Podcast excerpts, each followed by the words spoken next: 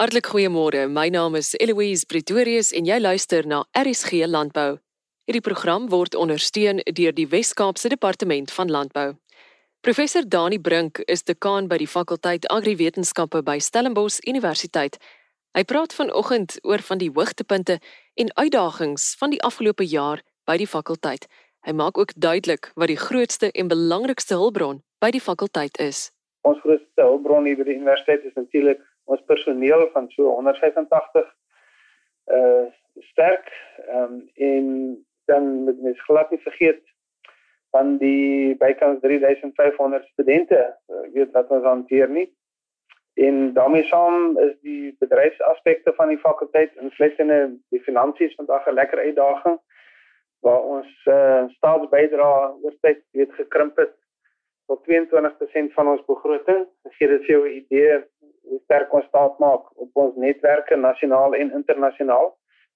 En dit is ook waaroor baie van ons praatjies behoort te gaan sodat ons uh, belangegroepe in landbou ingelig is nie net oor ons uitdagings nie, maar ook oor wat die fakulteit bied. Die fakulteit agriwetenskap, ons is nou byna by daardie tyd van die jaar wat 'n mens begin terugkyk na van die hoogtepunte van die afgelope jaar. Wat sou jy sê was van julle mees onlangse suksesse van 2018 en van die dinge wat julle gedoen het wat vir jou veral uitstaan? Ja, kyk, dit was natuurlik 'n historiese hoogtepunt vir die fakulteit wat tesame met die EOFees van die fakulteit het die verskoon tesame met die EOFees van die universiteit dan ook die EOFees jaar van die fakulteit was as een van die stigters fakulteite in, in 1918. So dit was vir ons weet bepaal weet 'n 'n hoogtepunt. Ek dink eh, wat vir my weet 'n belewenis was, mens kan dit seker ook 'n uitsondering noem is hoe ons hierdie droogte siklus, jy weet hoe dit uh, bygedra het tot die hernieude fokus ehm um, tussen landbounavorsing, landboutegnologie en ons bedrywe om hierdie korttermyn uitdagings te bowe te kom, maar ook die bewustheid rondom langtermynbeplanning en toepaslike tegnologie.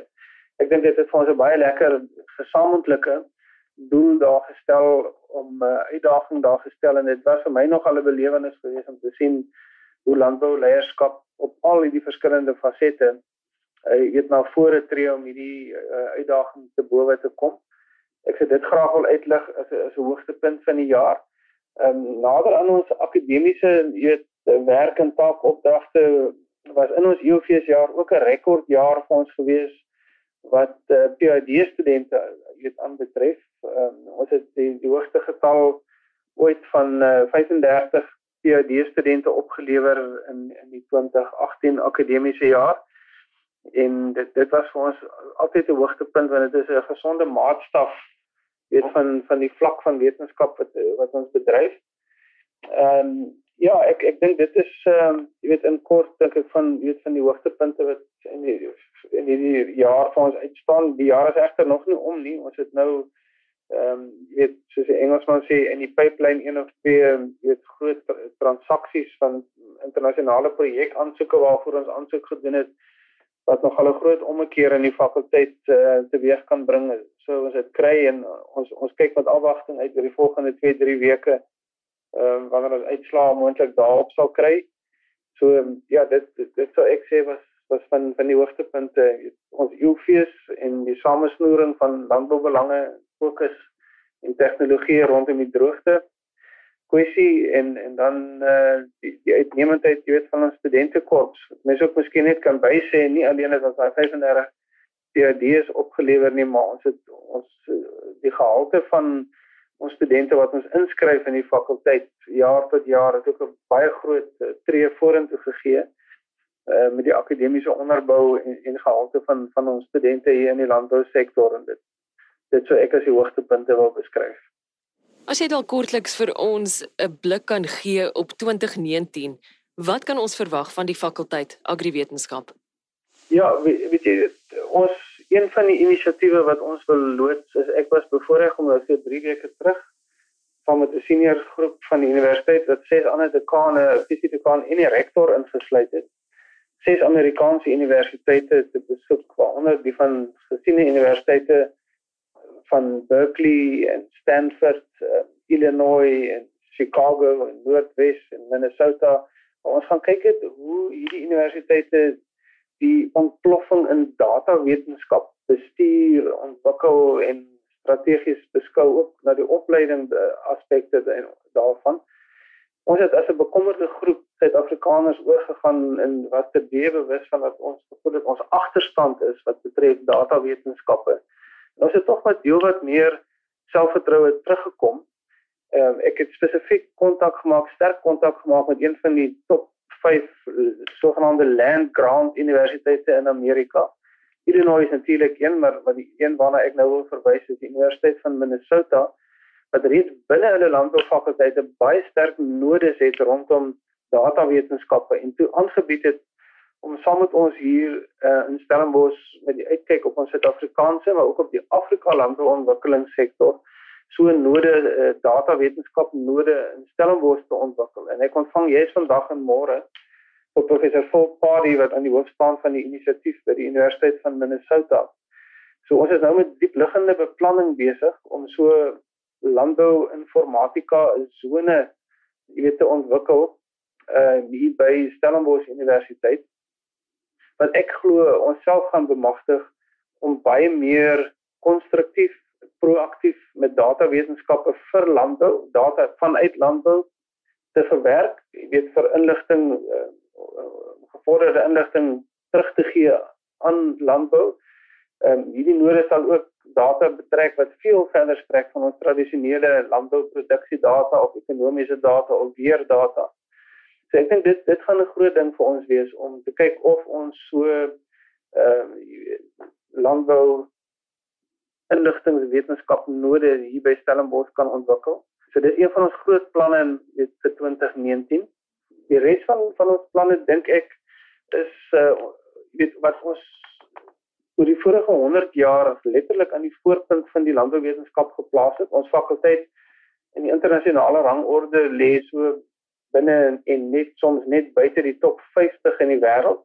Ons is so onder die top 15 in die BRICS lande en ons word gereken as die as die beste landboufakulteit in Afrika. Maar dit is eintlik biologiese tegnologie oor hierdie vorige 100 jaar wat ons aan daai voorpunt geplaas het. En uh, ek is van mening dat ons ons oë baie mooi sal moet oop hou om te sê watter aanverwante tegnologieë gaan bydra tot die versnelling van landbou tegnologie, landbouwetenskap en landbouopleiding.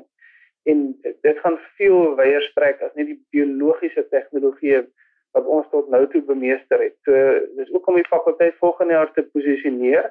Ons kan uit die aard van die saak nie al daai tegnologieë binne sy bemeester en aanbied nie maar ons sal dit moet identifiseer, strategiese netwerke vestig asook kanale om daai tegnologieë intyds deur te gee aan die landbousektor. Die gevaar is as ons dit nie doen nie, dat ons 'n wêreldleier op biologiese tegnologieë kan bly, maar dat die aanverwante tegnologieë bloot om die universiteite na die bedrywe vloei en ons op 'n manier isoleer.